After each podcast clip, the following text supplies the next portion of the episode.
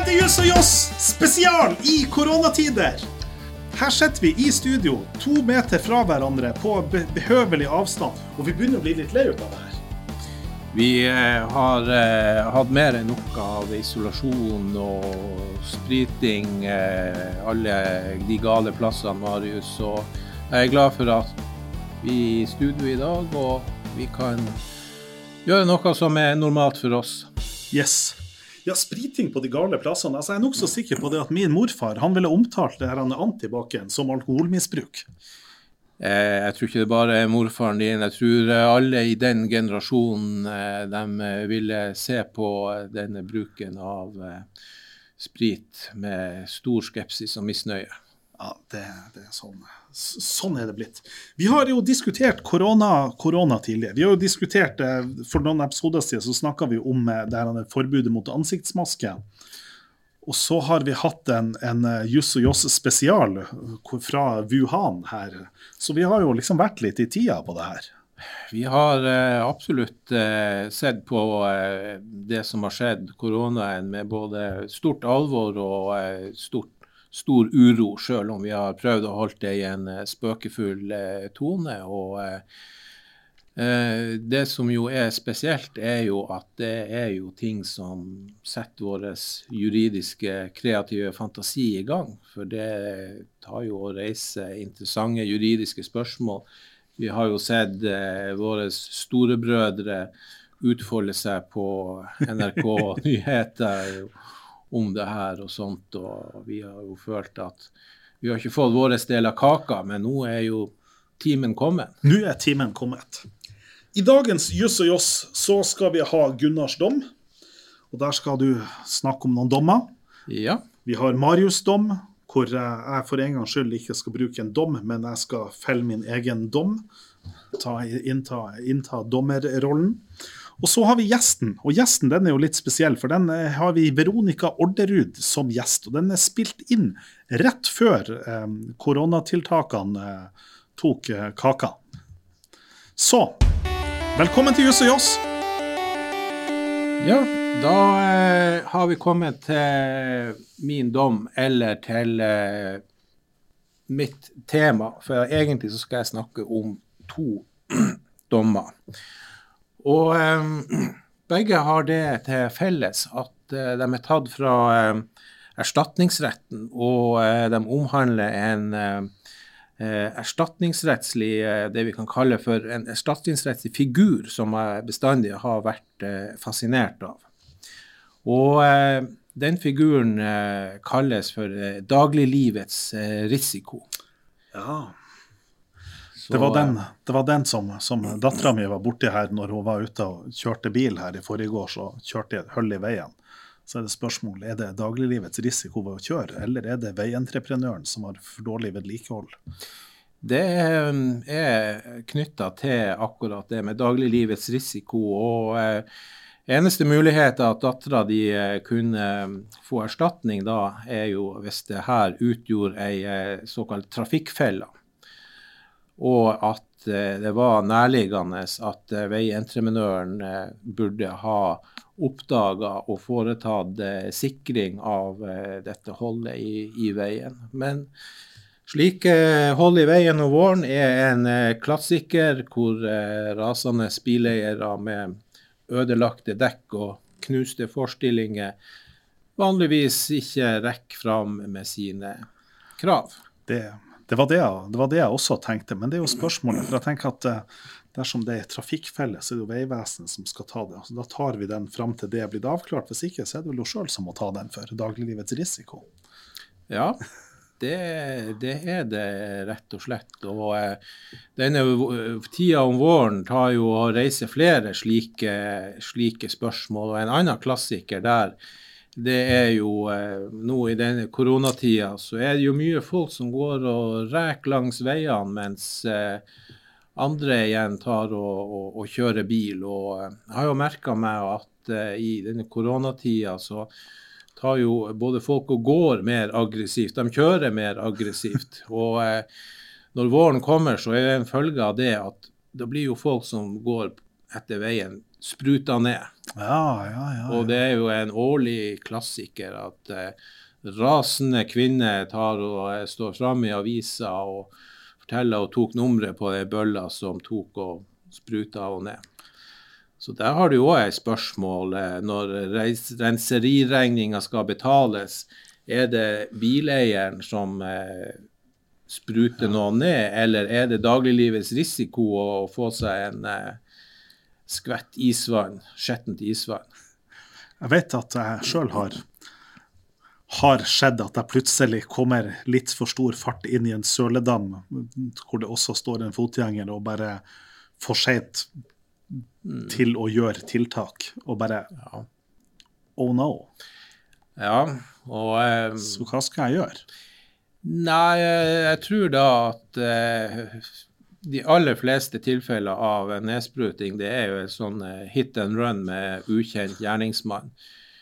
Eh, det hjelper lite å sette inn annonse i avisa at eh, du mann i grå Ford Toyota, du er observert. Meld deg, eller ta konsekvensene. Ja. Og sånt. Men noen ganger så, så blir man jo opp, observert og identifisert, og eh, saken kan komme på spissen. Og eh, da tror jeg jo at spørsmålet blir er om, eh, om, om det var uaktsomt eh, av deg å eh, F.eks. hvis det er en stor søledam og du ser ei eh, dame med et barn gå forbi der, og om du ser søledamen og kunne skal vi si, handle annerledes, som jo er det sentrale i aktsomhetsvurderinga. Hadde du kunnet handle annerledes, så kunne du nok komme i ansvar, men eh, hvis det var en, en, en liten pytt som ikke var synlig eh, og naturlig for deg å reagere på, så, så tror jeg at da må vi tilskrive det til dagliglivets risiko. Men eh, over til eh, de to sakene fra Høyesterett. Og eh, Jeg trodde, jeg, trodde vi, jeg trodde at vi skulle få en høyesterettssak om nedspruting. Jeg tenkte hvem i all verden er det som har fått den tatt opp til Høyesterett? nei, det har ennå ikke skjedd. Eh, jeg tenkte at eh, jeg skulle prøve å ha en sånn viss dagsrelevans med å snakke med en sak om smitte. Ja. Og det gjelder da en, en, en, en langtransportsjåfør som har da fått saken sin opp til Høyesterett. Vi, vi eh, skal jo anonymisere folk, så vi kan jo kalle ham for eh, Per Frank. Per Frank, f.eks. Det er jo et anonymt navn. Og han, eh, Per Frank han jobba i 2004 som langtransportsjåfør. Og 30.07.2004 så kjørte han gjennom Belgia i retning Norge med returlass fra Antwerpen. Eh, det var jo en eh, fin sommerdag, og han Per Frank kjørte med åpent vindu og eh, kanskje litt countrymusikk på spilleren. Det som skjer, er at eh, han fikk da et myggstikk på høyre arm. Og det myggstikket tok han og klødde på. Og det myggstikket det danna inngangsport for smitte av streptokokk A-infeksjon, som førte til alvorlig personskade i form av kronisk nyresvikt, nedsatt kraft i høyre arm og høyre bein og fot, samt redusert sensibilitet i høyre arm. Og Da er det vel spørsmål om en yrkesskade? Det er det, Marius. Det er et spørsmål her. Med det her eh, svekkelsen eh, på høyresida, så er jo ikke han Per Frank noen noe mann å kjøre eh, gedigen eh, semitrailer. Han satte fram krav om yrkesskadeerstatning, som ble avslått fordi man mente det ikke forelå noe arbeidsulykker. Og Yrkesskadeforsikringsforeninga ble frikjent både i tingretten i lag og lagmannsretten. Og så kommer vi til rikets høyeste domstol. Ja. Og hva sier de? Jo, de slår enstemmig fast at han Per Frank sin anke måtte forkastes. ja. Og, Ikke eh, yrkesskade, altså. De sier det er ingen yrkesskade. Og eh, de viser til tidligere praksis og eh, sier at det at du blir påført smitte, som jo er dagsaktuelt, det mangler ulykkesmoment, med mindre om selve smitten er påført med ei ulykkesarta hendelse. Så det kunne derfor bare komme på tale å bedømme hendelser som ei arbeidsulykke dersom skaden og innsiktsstikket kunne ses under ett. Ja, nemlig. Nemlig. Sånn at ja, skaden og innsiktsstikket kan ses under ett, nemlig. Ja, For her, for her i denne saken så har man da altså fått stikket, og så har han deretter klødd. Og kløinga har påført streptokokkene. ja, Sånn at Ja. da har du to ulike hendelser. ja. Der har du eh, to, to ulike, ulike hendelser. Så hvis vi tenker oss en helsearbeider Ja, som er på sykehuset med en covid-19-pasient, som da skjer en feil med maska, så, så vil man da kunne si at ja, men da vil skaden og smitten skje samtidig. Eller i hva innstikkspunktet? Nei, hva var formuleringa? Eh, ja eh, er rett og slett eh, at man tar og så har en, eh, en, en, en årsakssammenheng mellom, eh, mellom da smitten og, og følgen som er, er adekvat. Og eh, i helsearbeidereksempelet så, så vil, det, vil det ta også eh, eh, være, være, være det. Ja. Eh, men det vil jo igjen være et spørsmål om, om den skaden er ulykkesprega.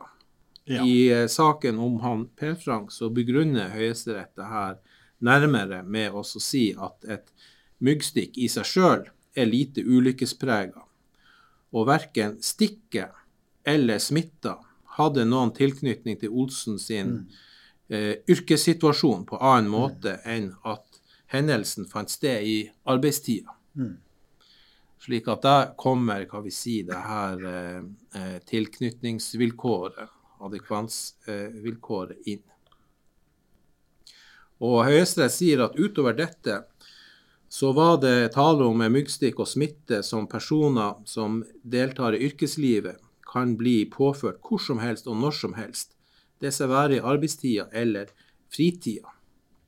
Og her har vi jo en, igjen en forskjell eh, fra helsearbeidere. helsearbeidere.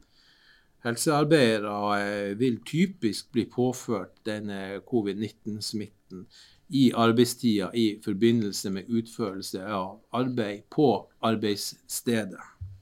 Men dersom vi ser for oss en mye større spredning, hvor risikoen er like stor på arbeidsstedet som andre steder, så kan vi snakke om en, en annen, Ja, det, det, det kan vi jo eh, selvsagt gjøre, men eh, vi har jo eh, I denne koronatida så har vi jo da eh, eh, f.eks. helsearbeidere, men også en god del andre yrkesgrupper som har såkalt samfunnsviktige funksjoner, som vil kunne bli utsatt for smitte og smitterisiko i mye større grad enn eh, de andre som eh, bare tar oss og følger helsemyndighetene myndighetene sine pålegg eh, lojalt og til punkt og prikke.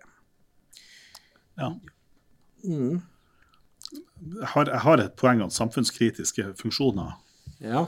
Altså det var jo når, når, når det kom beskjed om full lockdown, så kom det da liksom en telefon fra barnehagen. Så sier de det at, at ja, vi, vi, har, vi har vurdert det, og siden din partner, altså min, min partner da jobber i helsevesenet, så vurderte at hun har da en samfunnskritisk funksjon. Og så sier de men vi har vurdert, Marius, at du er ikke samfunnskritisk nok. Og jeg tenker, jeg tenker, Her driver jeg liksom en podkast som heter Juss og Joss, hvor jeg liksom driver på med ramsalt samfunnskritikk. Jeg driver på og uttaler meg i media hele tida. Men er det noen som er liksom mer samfunnskritisk enn meg? Ja, det er noen. Men, men det er ikke så mange. Og det, at, og det at jeg liksom plutselig ikke er samfunnskritisk nok, det syns jeg var et eh, sårende. Ja, jeg forstår at du tok det innover deg, Marius, men eh, her, uh, her har du nå dessverre tolka litt for mye i, i din favør. At uh, å være kritisk til samfunnet og kritisk for samfunnet er en viss vesensforskjell på. Ja, ja, ja. Fortsett med dommen din. Ja, vi eh, skal eh, bare eh, rande den opp. Og her sier da Høyesterett i en konkluderende avsnitt eh, sitat Hendelsen hadde derfor, selv når man ser stikket og smitten under ett, karakter av å tilhøre dagliglivets risiko. Ja. Sånn er det. det man kan bli utsatt for mye. og det er ikke bestandig at man eh, vil kunne nyte godt av ordninger som yrkesskadeerstatning. Og eh, det her var jo da et, eh, en sak som gjaldt yrkesskadeerstatning. Andre ganger så kan det gjelde erstatningsansvar for eh, firma eller virksomheter som da eh, tilbyr tjenester. Og eh, jeg skal helt kort nevne et annet eksempel på dagliglivets eh, risiko. Eh, her gjaldt det da ei kvinne. Det må være en, kvinne i tiden som tar og jobber og kanskje bruker fritida til å trene for å trimme kroppen. Og så gjorde også denne kvinna, men hun var på treningsstudio og eh, hadde en eh, spinningtime. Og mm. hun skada seg med at hun datt ned fra spinningsykkelen. Og skaden den skyldtes at eh, setebolten eh, brakk. Og eh, tingretten tok og avgjorde at treningssenteret ikke hadde handla uaktsomt. Og spørsmålet for Høyesterett var alene om selskapet som drev treningssenteret, kunne være ansvarlig etter det ulovfesta objektive ansvaret. Så det ansvaret vi kaller for såkalt farlig innretning. Men selskapet ble eh, frifunnet. Høyesterett viste til at risikoen som var knytta til bruken av spinningsykkelen, ikke var større enn den risiko man møter i dagliglivet, bl.a. med fritids- og treningsaktiviteter. Så der trekker man en sammenligning med at du kunne ha vært på på din vanlige sykkel og sykla rundt, og så kunne setebolten ha, ha brukket. Og det er ting som er relativt uforutselig og, og vanskelig å eh, ta og idømme noen mm. erstatningsansvar for. I hvert fall i Norge. Eh, I USA så er jo erstatningsretten slik eh, laga at, at, der kan man eh, saksøke for hver minste eh, funksjonssvikt eh, i et eh, produkt. Jeg husker bl.a. en sak eh, hvor eh, et foreldrepar som mista sønnen i ei trafikkulykke, de eh, saksøkte produsenten av støtfangeren for at ikke støtfangeren tok imot støtet. I'm speechless. Mm. Det er jo, det er jo ja. Men, men, samtidig så har jo på akkurat det her så jo, er det jo en forskjell mellom det norske og det amerikanske rettssystemet på erstatningsretten sin funksjon. Mm. Fordi at, fordi at i, det, i det, norske erstatningssystemet så har jo, har jo, erstatningen det skal jo ha en reparerende funksjon. Ja. Mens, mens, det skal jo ikke ha en forebyggende eller en pønal funksjon. I hvert fall i, i utgangspunktet ikke. Mm fordi at Vi tenker jo i det norske systemet at den, at den forebyggende og den penale reaksjonen det vil jo da enten komme gjennom strafferettssystemet eller gjennom ulike systemer med tilsyn og kontroll. At det, Gjennom mm. det at det offentlige har en forvaltning, så skal man på en måte sikre og, og ivareta det. Mens i det amerikanske systemet så er det jo mindre offentlig forvaltning, og dermed så vil da den der tilsyns- og kontrollfunksjonen og den penale funksjonen ivaretas gjennom erstatningssystemet. og Det gjør at man da vil ha mye større erstatningsutbetalinger. Og Det vil jo mm. da kunne gi en tilfeldig, tilfeldig fordel for den som blir utsatt for en erstatning. Um, mm. i, forhold til, i, forhold til, det norske systemet, hvor man på en måte bare får dekt tapet. Ja, det er et veldig godt uh, synspunkt at uh, det å holde produsenter av varer på tå hev kan utløse kan vi sier, slike eh, ganske absurd store og i noen tilfeller eh, sett fra norsk synspunkt eh, absurde erstatningssaker i seg sjøl. Ja. Ja, Det typiske eksempelet her, det er jo det McDonald's-søksmålet med, med hun som da svir seg på kaffen. Og Da er det jo det ene spørsmålet, det er jo hva er på en måte dagliglivets risiko her og ikke. Og Det er klart, det er jo innenfor dagliglivets risiko å brenne seg på kaffe, men her var jo problemet at kaffen var atskillig varmere enn det man kunne forutse om at det er utenfor dagliglivets risiko, sånn som man forstår det. Og da sier man på en måte at det er man også, også var det som også lå til grunn for det i denne saken, det er jo at at McDonald's det hadde skjedd flere skader tidligere uten at man hadde tatt skritt for å enten senke temperaturen eller gi en advarsel. Og fordi at man da ikke hadde tatt de skrittene, så blir det på en måte erstatning. Og så er Det vi da reagerer på, er det erstatninga sin størrelse. Men for et sånt selskap som McDonald's så ligger da argumentet at, at størrelsen på erstatninga for at det skal endre en atferd, så må den være større enn gjenopprettelsen. Ja, det, det er jo et eh, interessant poeng du tar og, og, og nevner der. og eh, Slike tanker har jo også hva vi si, spredd seg til det, til det norske rettssystemet. Jeg tar og assosierer litt fritt, men uh, f.eks. Eh, eh, i strafferetten, der eh, bøtesystemet på noen områder skal eh, speile hva vi si, din økonomiske evne for at det skal eh, svi proporsjonalt, f.eks. som eh, hvis du er mangemillionær og fyllekjører, så vil jo da boten eh, gjenspeile det. For at det skal Du skal lære av det. Ja. Og da er det jo et spørsmål, da er vi over på, på hva er det som gjør at folk ikke fyllekjører. Og i, og i læreboka mi som vi hadde på første avdeling, der bruker han eh, Andenes et eksempel fra Finland om at, om at det som hadde betydning for fyllekjøring, var ikke størrelsen på reaksjonen, men det var risikoen for å bli tatt. Altså Jo større risiko for å bli tatt, jo mindre fyllekjøring, mens størrelsen på reaksjonen hadde liten betydning. Mm. da, og da er vi over på hva, hva er det lovgiver her egentlig tenker når man setter opp en sånn, sånn kjempestor reaksjon. Klart at, jeg tenker det jo, På den ene sida er det jo veldig fornuftig å gjøre bota forholdsmessig i forhold til, til, til størrelsen. Altså når um, Ja.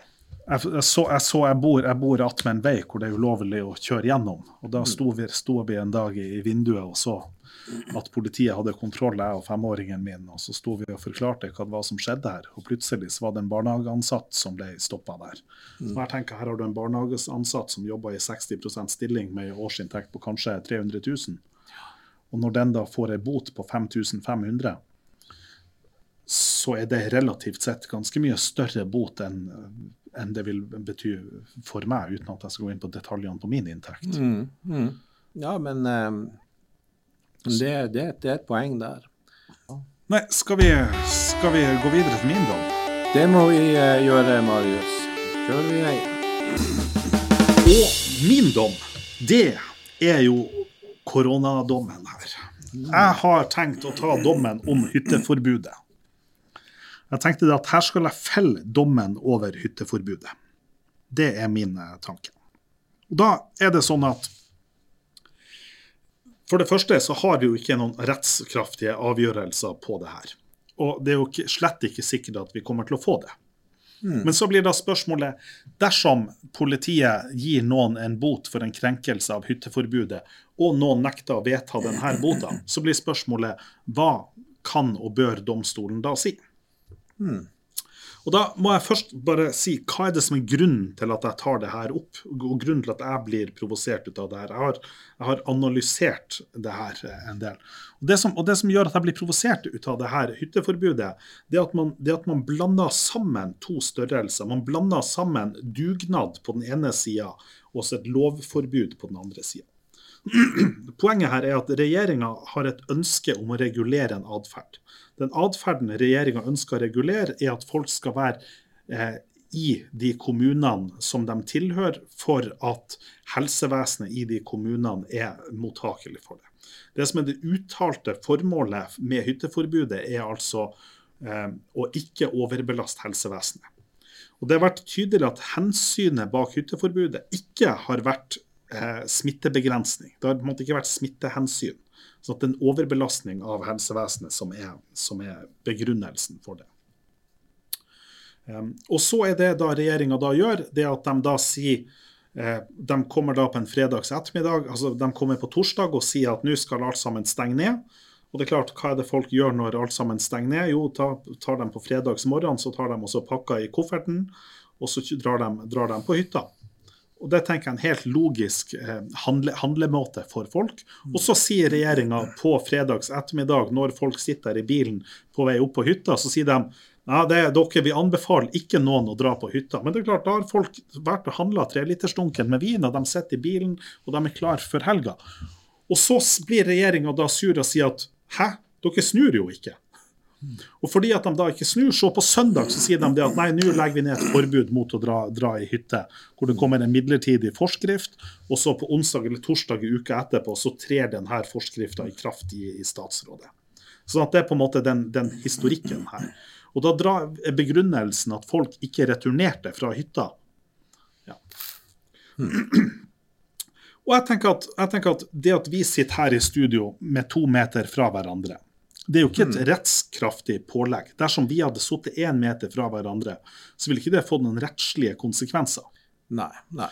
Um, dersom vi hadde sittet ja. Mens, mens og, og, de fleste av de tiltakene man gjør for å redusere smittespredning, og de fleste tiltakene man gjør i det her, de har jo ikke en rettslig karakter. De har jo en karakter av at man går ut med en oppfordring, man sier at dette er en nasjonal dugnad, nå må alle sammen ta ansvar. Og jeg har veldig sansen for det. Jeg har veldig sansen for det skrittet at man på en måte Folkens, ta ansvar. Tenk sjøl.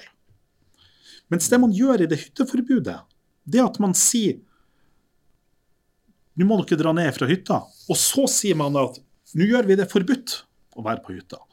Og da blander man inn forbud og dugnad. Mm. Har du noen kommentarer så langt? Ja, jeg tenker, jeg tenker for det første at vi eh, har jo, underviser jo i, i, i rettssosiologi eh, begge to. Og eh, det første som slår meg, er jo at, at her får du da et, et, forbud som kanskje ikke er godt nok begrunna.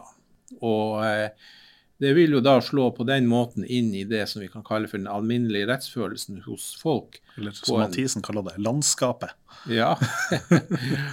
og, og, få den følge av at du får ei rettslig regulering som ikke trekker i samme retning som samfunnsforholdene for øvrig. Og følgen av det blir at du får da en eh, motstand i befolkninga mot å, å, å følge å, håndheve det forbudet. Forbudet fremtrer ikke umiddelbart som logisk og velbegrunna. Nemlig. Nemlig. Og, da, og, da, blir også konsekvensen ut av, ut av det resonnementet at når regjeringa innfører et sånn her type forbud, så skaper man en splittelse i befolkninga, hvor du skaper en motstand i befolkninga mot regjeringa sine tiltak.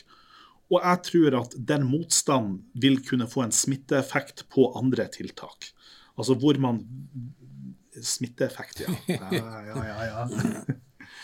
Og, og, og, hvor det på en måte gjør at, at de andre mer dugnadsprega tiltakene vil kunne få en mindre betydning, fordi at man går inn med rettslige virkemidler på den andre sida. Ja, det, det, tror jeg at du har et, et, et godt uh, poeng i. Det er selvfølgelig vanskelig å vite noe om årsak og virkning, og ja. det, om det henger sammen, poenget. Det, ja, nei, men jeg tror at uh, du har uh, mye, mye rett i det. Uh, jeg tar også og tenker liksom mer sånn i, i, i konsekvens og, og, og, følge her. Og jeg syns at det forbudet virker veldig formyndersk på den måten at det tar og og på en måte legger til grunn en forutsetning at hvis noen som sitter på de her hyttene eh, eh, blir syk, så eh, er de så kravstore og bortskjemt at de forlanger at den eneste legen som finnes i en eller annen liten fjellkommune med flere hytter enn fastboende, skal ta seg fram til denne hytta en eller annen plass på, på fjellet og, og, og, og serve den her bortskjemte, sikkert rike, forbaska hytteeieren. Ja, og kanskje sjøl eh, pga. manglende smittevernutstyr på det spartanske lille kontoret i denne fattige fjellkommunen, skal sjøl bli eh, smitta, slik at resten av eh, befolkninga i kommunen står ute, uten noe tilbud. Så den tanken kjøper jeg ikke umiddelbart. Jeg har jo tro på, på folk, og hvis det er nå kjenner at de blir eh, dårlig på denne eh, hytta, så vil det være naturlig å ta seg til mer holdt på å si, urbane strøk ja. der de hører hjemme og kan få eh, adekvat helsehjelp knytta til sitt eget hjem. Og, nemlig, og, Her er vi inne på de sentrale spørsmålene. Fordi at, fordi at Hvis vi prøver å sette dette inn i en rettslig kontekst, så er det sånn at da er vi nødt til å ta utgangspunkt i, i hva er de, de rettslige overordna normene her. Og da er utgangspunktet, Det naturlige utgangspunktet jeg tenker, det er jo Grunnlovens paragraf hva det er 106 Um, det burde jeg jo hatt her. Ja, det er Grunnlovens paragraf 106. Og den sier at, at enhver kan fritt bevege seg innenfor rikets grenser. Mm. Så det er en sånn grunnlovfesta rettighet til en fri bevegelsesfrihet.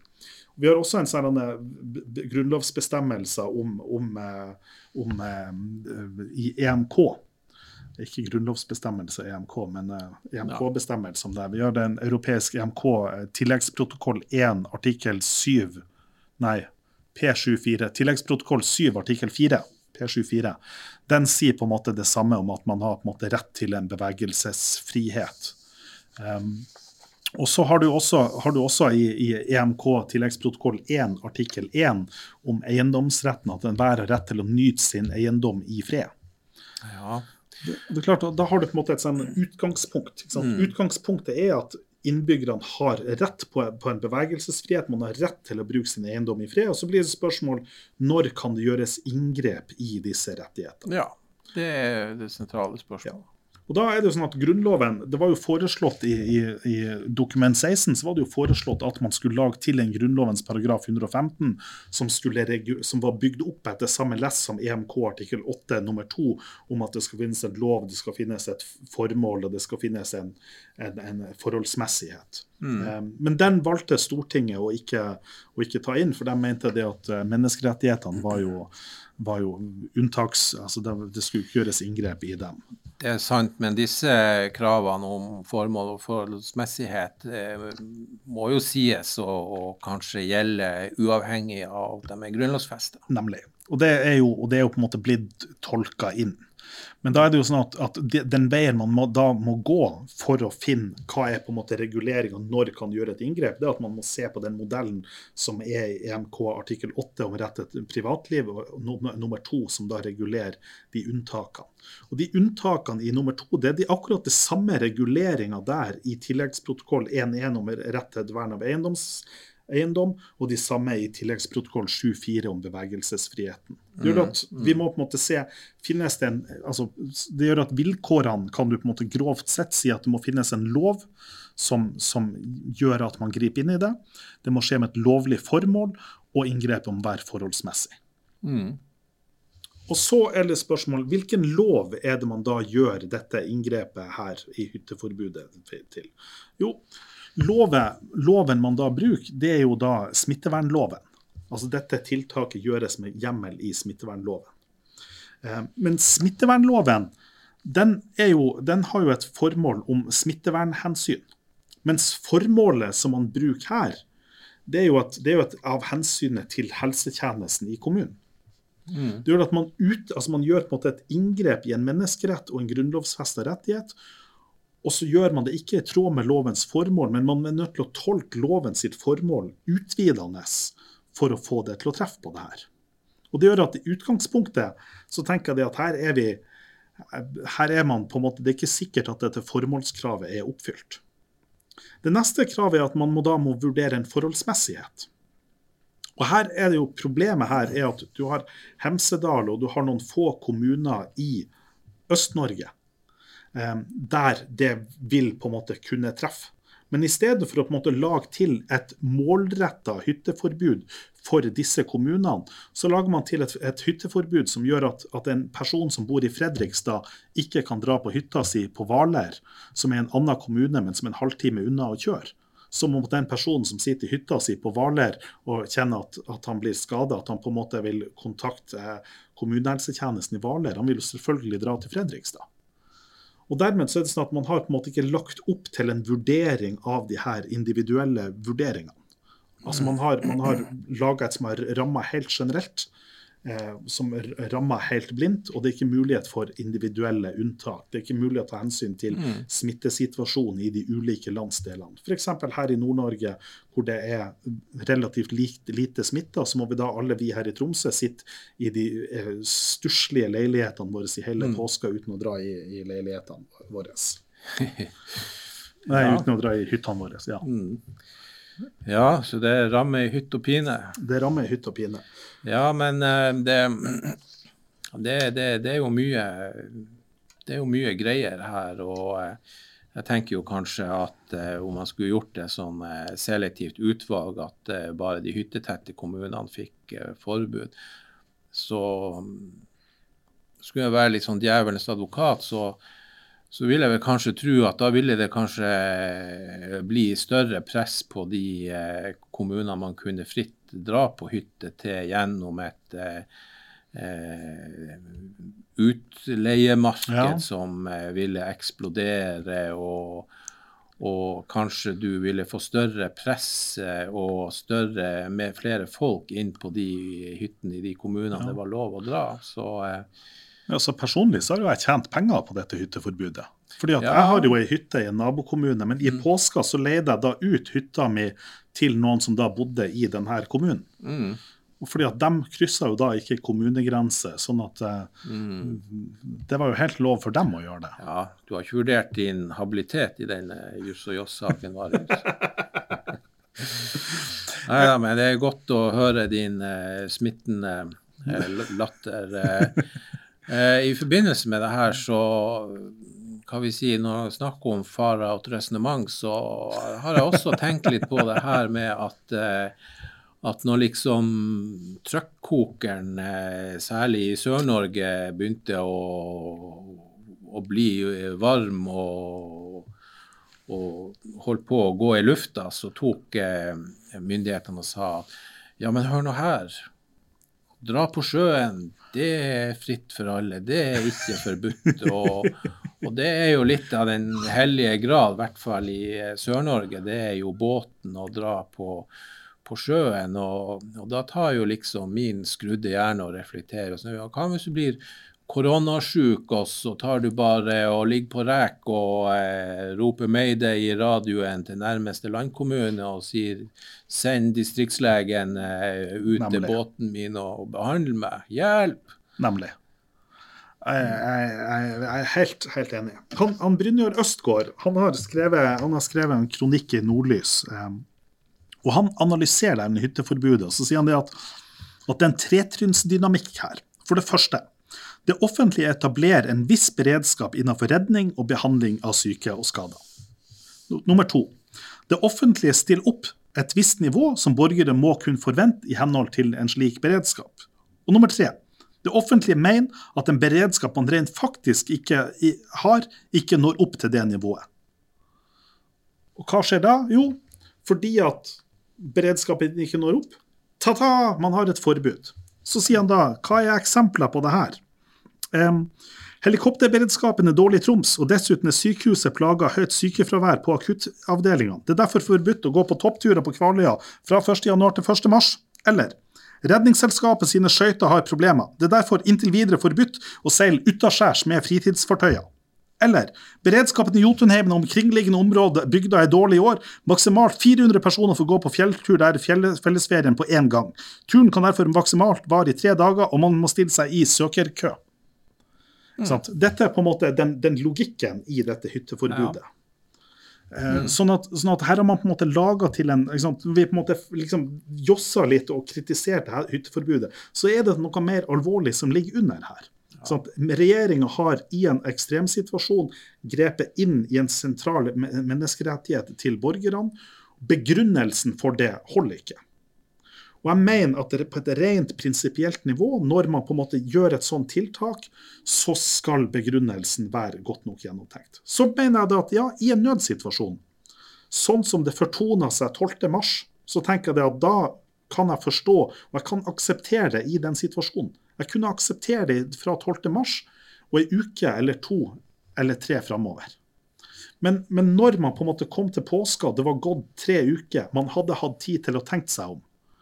Og når da regjeringa sier bare dra på sjøen, men oppretthold hytteforbudet gjennom påska uten at det synes at det er noen refleksjoner rundt det, uten at du har et forarbeid, uten at det kom etter en formell begrunnelse. Begrunnelsen var fortsatt det som sies på pressekonferanser. Da tenker jeg at dette holder ikke.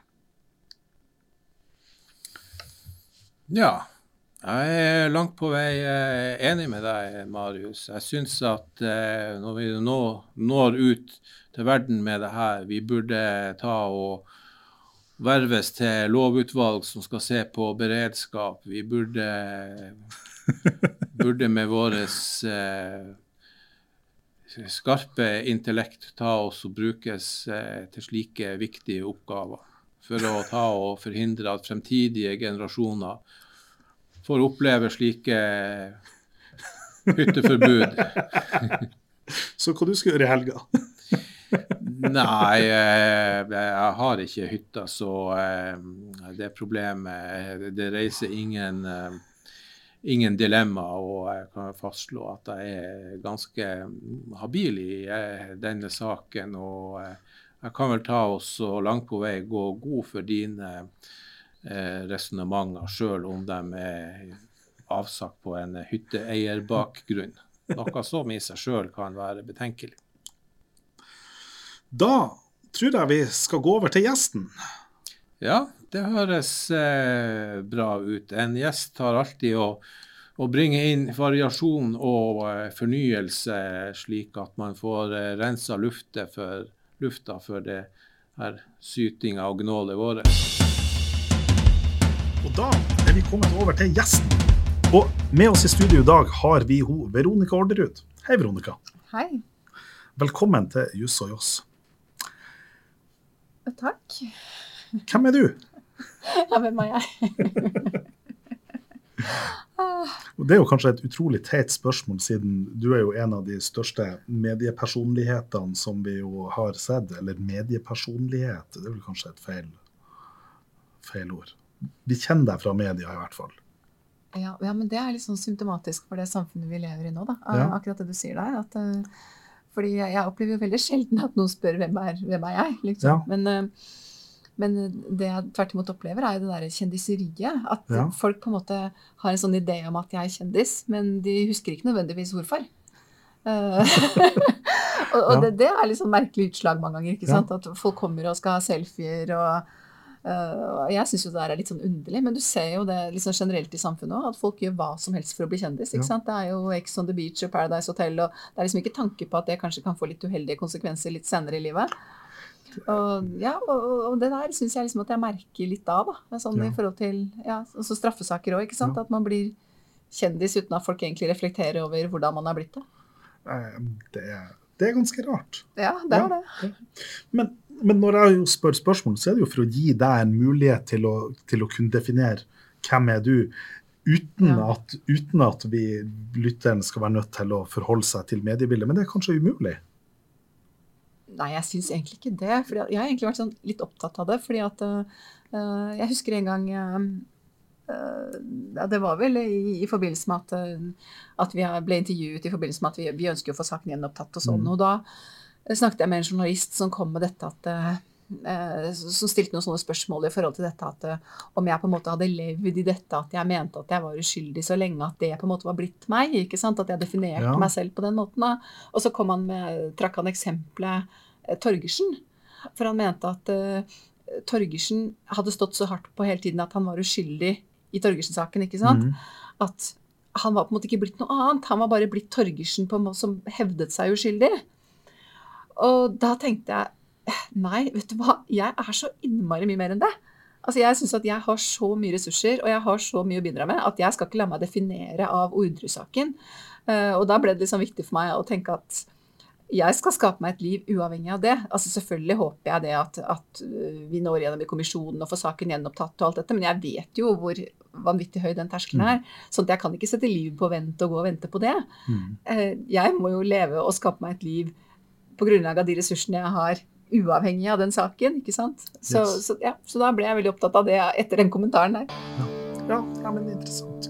Det, det jeg hadde tenkt å snakke med deg om i dag, vi vil snakke om soninga. Fordi at du, du har sittet 14 år i et norsk fengsel. Eller i flere norske fengsel til sammen. Eh, og, så, og det gjør at da har du et unikt bilde ut av hvordan er forholdene i de norske fengslene. Mm. hvordan fungerer kriminalomsorgen? Hva er det her systemet? Hva er det som skjer etter at man, etter at man er dømt? Mm. Så hvordan, hvordan fungerer det? Ja, nei, Det fungerer i hvert fall ikke sånn som de fleste tror, og sånn som media ofte tegner en, en, et bilde av. da. Det er jo veldig, veldig forskjellig. Det er jo ikke sånn at det på en måte er eh, Sånn er norske fengsler, liksom. fordi at norske fengsler er jo så mye. Altså, Det er jo alt fra disse høysikkerhetsfengslene med syv meter høy ringmur ikke Mhm. sant, til eh, lavere sikkerhetsnivå som ser ut som nærmest normale kontorbygninger, eh, helt til overgangsboliger som er plassert i, ute i byen, sant, som man ikke reflekterer over er fengsel i det hele tatt, og hvor, hvor eh, de innsatte har frigang da, og er ute i jobb og skole. Så, så kriminalomsorgen favner jo så mye. at det er på en måte ikke sånn er et fengsel. Ja. Eh, men samtidig så ser man jo en helt klar negativ utvikling. Da, og den har jeg på en måte fått lov til å være med på og har opplevd på et veldig nært hold. Og sånn sett så er det litt spennende. Negativ utvikling. Og da, og da er det jo sånn at når, altså når vi på en måte går tilbake på 70-tallet, så har vi jo den diskusjonen i forhold til strafferettsreformene. Hvordan, hva skal innholdet i fengslene være? Skal man på en måte ha en rehabilitering, eller skal det være straff? Hvorfor, hvorfor har vi et fengsel? Um, og, da, og da har vi jo de her klassiske, man har individualprevensjon, vi har, vi har allmennprevensjon, og så har man det her hevn, hevnaspektet. Men så har vi rehabilitering. Hva er, hva er rehabilitering i et fengsel? Er det bare en, er det en umulig idé, eller tror du at det kan gå an på ordentlig? Jeg, tror jo absolutt at det kan gå an, men jeg tror at det er en del forutsetninger som må være til stede. Og jeg tror at man også må være villig til å bruke ressurser for å få det til. Eh, og det er jo der man ikke er i dag, på et vis, da. Eh, fordi at jeg fikk jo oppleve ettervirkningene av eh, kriminalreformen til Ingrid Louise Valle da jeg på en måte ble satt inn eh, på begynnelsen av 2000-tallet. For da var det jo fortsatt mye programvirksomhet. Det der rehabiliteringstanken sto fortsatt veldig sterkt. da. Eh, og, disse programmene ble på en måte kjørt jevnlig hele tiden. Eh, og så dabbet det bare mer og mer av. Det ble mindre og mindre ressurser, det ble strammet inn. Altså det var en sånn eh, ikke, ikke i Skien, vil jeg si. Eh, det var et blandingsfengsel, et kretsfengsel den gangen. Eh, der hadde jeg nok allerede en ganske restriktiv holdning til det meste. Altså Innstillingen var litt sånn at kan vi si nei, så sier vi nei. Eh, Men når jeg kom til, til Bredtvet, så var det en ganske annen holdning. Der var det litt mer sånn at har vi mulighet til å si ja, så sier vi ja. ikke sant? Så det var en helt annen måte å tenke på da, sånn i forhold til regelverket. Men Det høres ut som et ledelsesspørsmål, det. Eh, Ja, det, tror det var det nok. Jeg tror det var større rom for det den gangen. Eh, Men nå etter at disse innstramningene har kommet og straffegjennomføringsloven har blitt eh, ja, den nye straffegjennomføringsloven som, som i utgangspunktet hadde mye godt i seg. Fordi at Storberget var en god eh, justisminister for kriminalomsorgen. Han satt jo Eh, ganske lenge også, Han gjorde det, og jeg tror han hadde en, en god del gode tanker. Men, men det ble ikke helt sånn i praksis. Og Ja. det var vel noe med at ressursene og midlene fulgte ikke etter, ikke sant. Eh, sånn at det vi har sett, er jo at det har blitt mye mer rigid og mye mer vanskelig. Og jeg tror at lederne, eller fengselslederen, har fått mye mindre rom da, enn de hadde tidligere. Men dreier det seg om politikerne sin eh, ressursbruk, altså fordeling av kaka, hvor mye som skal inn i fengslene? Det er nok litt det, og så tror jeg nok også det er litt politiske signaler. fordi at forvaltningen vil jo alltid rette seg etter de signalene som kommer. ikke sant? Så det er klart at gis det signaler på at nå skal regelverket tolkes restriktivt, så, så vil det bli tolka restriktivt i forvaltningen. Det er jo sånn det fungerer. Men kan, kan vi si litt om domstolene sin rolle etter, etter, eh, etter dommen? I hvilken grad har fangene i et fengsel tilgang på domstolene? Nei, det er ganske ille. Fordi at uh, min opplevelse er jo det at så lenge du på en måte er uh, Du er tiltalt og du, og du, du er Altså uh, saken går sin gang for domstolene, så har du jo forsvareren din, og du har jo til en viss grad rettssikkerhet, da. Men så fort du på en måte overlates til kriminalomsorgen, så er du on your own, altså. Og da er jo situasjonen sånn at det store flertallet av de som til enhver tid sitter i fengsel i dette landet, de er relativt ressurssvake. Uh, og veldig mange er psykisk syke. Og, de har på en måte ikke mulighet, eller ofte rett og slett ikke kan ikke, altså skrive klager. De har ikke innsikt i hvordan måte systemene fungerer. ikke sant? Sånn at uh, når de på en måte blir utsatt for noe de mener er et overgrep eller er feil bruk av regelverket, da, så, så vet de ikke helt hvordan de skal forholde seg til det. Ja, og, da, og dermed så ender vi da opp med at vi da får liten grad retts, altså at rettssystemet i liten grad får hendene i der. Men hvem er det som da realiteten tar avgjørelsene? Hvem er det som i realiteten er sjefen i fengselet? Er det, er det fengselsdirektøren som bestemmer rammene? Er det de ansatte som er på jobb? Er det, er det vaktlederen? Er det hvem er det som kontrollerer de interne forholdene? Det tror jeg egentlig er alle sammen. Eh, fordi at eh, jeg tror ikke det er noe sånn at eh, i hvert fall, Det er ikke min erfaring i hvert fall at verken fengselsbetjenter eller fengselsledere gjør noe av ond vilje. Altså Det er jo fordi at de er presset. ikke sant? Altså mm. Bemanningssituasjonen er lav. da, Det er lite ressurser. Og de, de håndterer veldig ofte syke fanger. ikke sant? Altså, og hvordan skal de det? Altså, de, de er fengselsbetjenter. De er ikke psykiatere eller psykologer eller og det er klart, når de da står overfor uh, suicidforsøk, de står overfor selvskading, hvordan skal de håndtere det? Altså Den eneste muligheten de har, er jo det, det er glattceller, det er reimsenger, det er maktbruk. Og det er jo det vi ser nå med disse endringene som er foreslått i straffegjennomføringsloven. Nå ønsker de seg mer tvangsmidler. De ønsker seg spytthette, de ønsker seg bodycuffs, de ønsker seg mulighet til å overvåke fengselscellene med bevegelsessensorer og kameraer. Det er jo fordi at det er ikke bemanning. Uh, og, og, hvem er det dette kommer til å på en måte gå utover? Hvem er det som blir utsatt for bruk av spytthette og bodycuffs? Det er jo de psykisk syke innsatte. Men, men hvorfor hva, De psykisk syke innsatte, burde ikke de få behandling?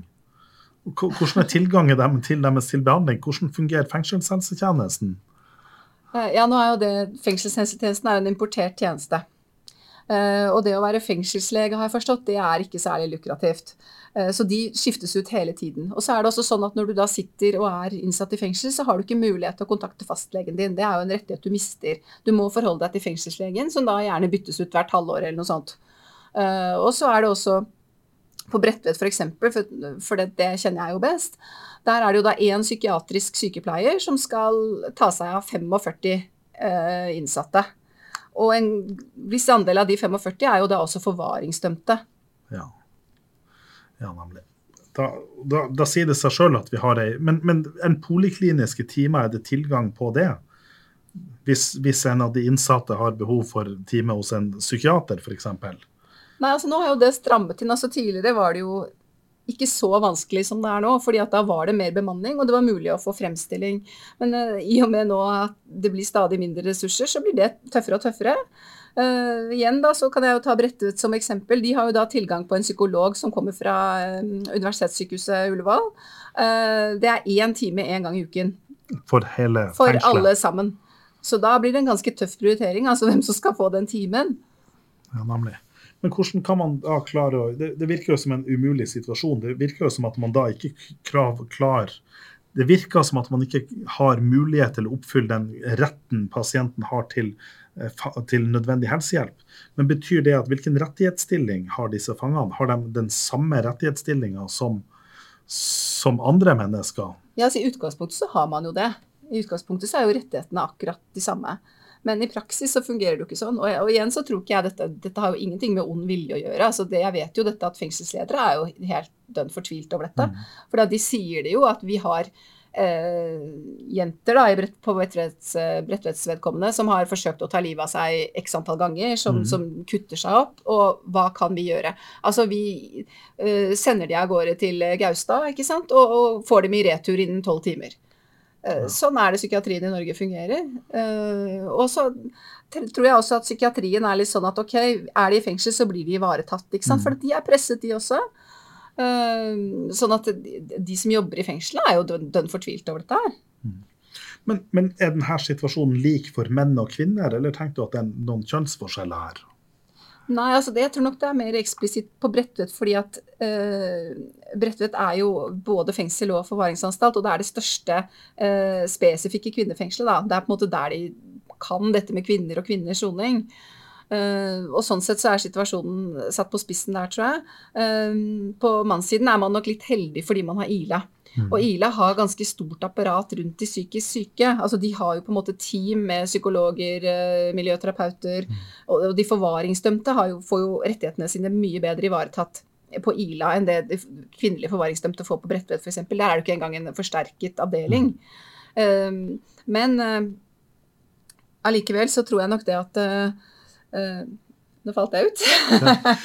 Men for jeg, for jeg tenker, jeg bare spille inn, fordi at i forhold til den kritikken, i forhold til ressurssituasjonen, i forhold til bruk av isolat, det er jo noe som også har vært kritisert av både Sivilombudsmannen og Nasjonal institusjon for menneskerettigheter. Ja. Sivilombudsmannen har jo laga til ei, ei særmelding om fengslene, fordi at Sivilombudsmannens forebyggingsenhet for tortur, som på en måte går rundt og undersøker alle mennesker, som mennesker alle steder der mennesker frihetsberøver, han har da uttrykt stor bekymring for forholdene til, i fengslene. Mm. Og de observasjonene som da gjøres, er at, er at man da bruker Altså du har pasienter som er psykisk syke, og at de eh, istedenfor at de da får en eller annen behandling, eller sånn, så blir de da plassert på, på isolat. Og så virker det som en eller annen tanke om at isolat skal beskytte dem mot, Mm. mot psykisk sykdom. Mm. Og der for meg som jo sitter og leser på forskning om, psyki, om, om, om psy, psykisk helsevern, så vet jeg jo det at det å putte et menneske inn på en isolat er jo, vil jo ofte være å påføre dem psykiske skader. Mm. Og dermed så virker det som kontraproduktivt. Mm. Mm. Um, og det er jo ganske nye meldinger som er kommet opp, og det passer jo veldig godt overens med det, med det bildet som du beskriver. Mm. Mm. Og da blir på en måte mitt spørsmål, eller, eller min, mitt spørsmål, jeg prøver å forstå hvorfor, hvorfor er det blitt sånn. Så tenker jeg, er Norge, er Norge spesielt dårlig, eller er det fengslene som er i hele verden som er sånn? Eh, hva skyldes det her? Um, Um, hva er din analyse? Nei, altså jeg tror ikke det at Norge er spesielt dårlig sånn sett, men jeg tror nok at, at til en viss grad så ser vi jo resultatene at vi har uh, kuttet så fryktelig ned i psykiatrien. Altså denne tanken ikke sant, om at vi, vi skal ikke ha folk innesperret i institusjoner. Vi skal, folk skal liksom bo rundt omkring i Mm. nærmiljøene sine og heller få hjelp liksom i nærmiljøene. Og, Uh, og, og vi har jo lagt ned så mange lukkede uh, plasser i psykiatrien. Eh, og jeg tror det er det vi betaler litt for nå. Uh, for at nå setter vi disse som skulle ha vært i psykiatrien, de sitter i fengslene. ja, den, den utviklinga av de særlig plagsomme en Ja. Mm. del av, av det, det aspektet. ja. Ja, så har vi også det med rusen. Altså, jeg vet ikke Jeg tror nok også det at, eh, at det er en sammenheng der. En del bruk av rusmidler fører jo til en del psykisk sykdom. Og jeg tror kanskje at det er en litt sånn nye erfaring vi gjør oss, da. Og da snakker vi om, om de nye rusmidlene. Ja. Men, men ut ifra de, de årene som du, som du har mm, vært inne, har du da sett en utvikling i forhold til det et spørsmål om rus, eller er det kommet senere et, etter den tid? For du har jobba med rusomsorg etter, etterpå. ja. Men hva tenkte du konkret på da? Nei, det jeg Mm. tenker på, det er um, Altså, når jeg, når, jeg gikk på, når jeg gikk på ungdomsskolen, så kom det, så kom det inn sånne eh, tidligere rusmisbrukere, og så sa de det at hvis dere prøver rus, så kommer dere til å dø. Og så har, lærte jeg jo senere at det var jo på en måte et skremselsbilde, og at virkeligheten ikke stemte. Men så ser vi i, i hvert fall ikke at, at det er en sånn likhetstrekk. Ja.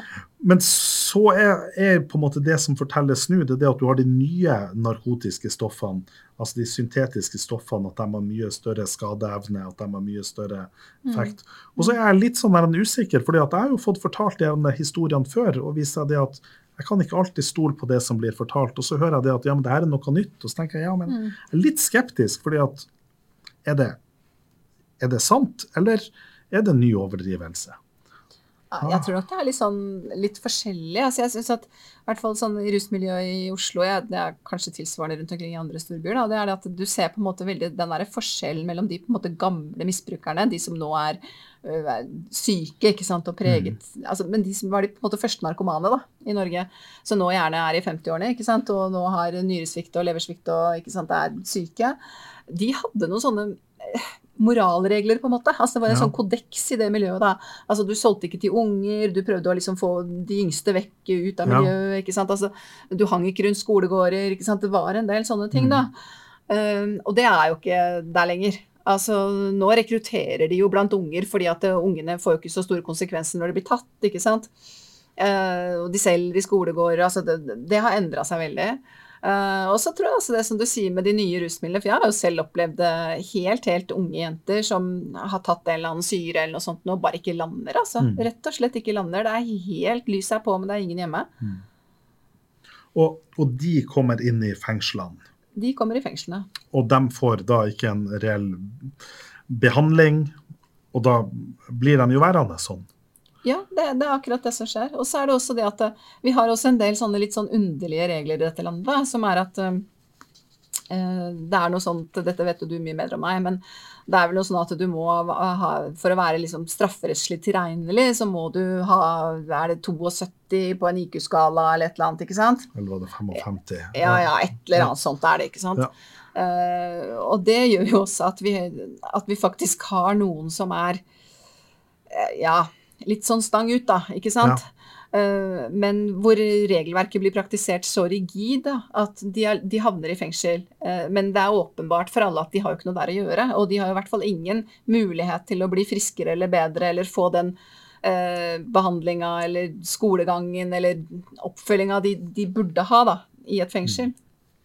Ja, og det er jo, Da er vi jo på et grunnleggende problem, altså straffens problem. Hvorfor, hvorfor straffer vi? Hva gjør vi? Hva gjør vi med de menneskene i samfunnet som ikke oppfører seg på en måte som man ønsker? Mm. Skal vi oppbevare dem i et fengsel? Skal vi oppbevare dem i en psykiatrisk institusjon? Eller skal vi legge inn masse ressurser på å tilbakeføre noen av dem? Um, hvis vi går tilbake noen hundre år, så er det jo for, først så er det jo familien sitt ansvar. Men så har du jo også denne legdsordninga. Du har på en måte hatt veldig mange ulike ordninger. Og så får du jo framveksten av fengsler, og du får framvekst ut av byer. Og da får du jo de her, de her løsningene. Og for meg så virker det som at vi fortsatt ikke har funnet en fornuftig løsning på det. Nei, men jeg tenker at det som er litt eh, veldig trist da, i et samfunn som vårt, liksom, det er det at eh, hvis nå folk sperres inn i en psykiatrisk institusjon, da, eh, bare for å ta det som eksempel, så er det da i hvert fall fagpersoner. Altså det er psykiatere og psykologer, og det, det er jo folk som på en måte har greie på ting, får vi håpe da, som eh, behandler eh, disse menneskene, og som på en måte tar noen avgjørelser i forhold til om, det er, om de har mulighet til å nyttiggjøre seg en behandling. da. Eh, men det, det er jo ikke der i det hele tatt i kriminalomsorgen. Altså Så fort du på en måte er innenfor kriminalomsorgen, så, så er jo den muligheten vekk. Altså Da blir du jo bare sperra inn, da, og, og bare låst bort, liksom. Men vi, jeg vet at, at eh, Sifer Nord og tvangsfolk, Tvangsforsk de har, et, de har noen forskningsprosjekt hvor man jobber med å, med å gi eh, selvhjelpsmateriell inn i fengslene. Altså selvhjelpsmateriell for behandling av psykiske lidelser.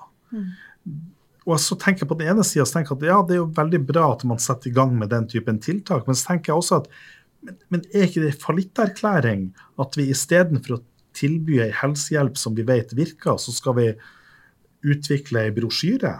Ja. jo, virkelig. Og så tenker jeg at er det der vi er? er det, var det dette Nils Kristi drømte om når han prata om pinens begrensning og strafferetten i samfunnet? Nei, det er jo ikke det. Og jeg tenker at vi på en måte nå er på vei tilbake til, til det utgangspunktet du snakket om allerede på var det 1700-1800-tallet, hvor man på en måte bare tok alle uønskede elementer og bare av, vekk fra gatene og låste dem inn. ikke sant? Altså Vi er litt, vi er litt tilbake der. Men dreier det seg om en altså Hvis vi da prøver å analysere hvorfor, så kunne vi tenke oss at det skyldes en, en endring av den økonomiske tilstanden. Og nå er det jo koronavirusresesjonen har jo enda ikke truffet fullt inn, så vi kan jo ikke legge skylda på det. Nei. Og da så er det spørsmålet hvilke andre forklaringer er det vi da står igjen med. Og da tenker jeg er det en endring i menneskesynet. Er det sånn at Ja. vi ser på mennesket annerledes i dag enn for noen år siden? Blir vi et kaldere og mer kynisk samfunn? Ja, på, på, jeg tror nok det er sammensatt, som du sier. Jeg tror nok også det har med menneskesyn å gjøre. Jeg tror at det, den der holdningen om at, at man nærmest velger å være kriminell, at det å liksom begå kriminelle handlinger er et sånt bevisst valg, ikke sant. Man, og når man gjør det, så får man saktens ta straffen. Altså, den tror jeg sitter eh, ganske fast i ryggmargen hos en del folk. Og jeg tror at evnen til å på en måte se bildet, og se at bildet er mer komplekst, da Mm. og at mennesket er mye mer sammensatt enn det der er. Eh, Og det er jo dessverre ikke sånn at eh, i langt de fleste tilfeller så, så har jo ikke straffen noe å si. Det er jo ikke sånn at folk står og vurderer i forkant av å gjøre noe kriminelt. liksom at gjør jeg dette, så får jeg tre år i fengsel. La meg nå se, skal jeg gjøre det likevel? Altså, sånn, det er jo ikke sånn det fungerer. Det tror jeg på. Ja. Det var det vi rakk akkurat nå, Veronica. Det var utrolig hyggelig å diskutere de her spørsmålene. Så tenker jeg at Vi skulle diskutert mer om media, vi skulle diskutert mer om hvem du er, vi skulle diskutert om jobb, vi skulle snakke om ferdig sona, vi skulle snakke om skyld, vi skulle snakke om mer om kjønnsperspektiv. Det var mange ting vi kunne ha gått inn på, men jeg har fått, jeg har fått liksom kjeft fra lytterne våre for at episodene våre er for lange, så vi prøver å liksom kutte dem litt. Ja. Så tusen takk for at du kunne komme, Veronica. Det var hyggelig å være her. Podkasten Juss og Joss produseres i samarbeid med Result på Universitetet i Tromsø.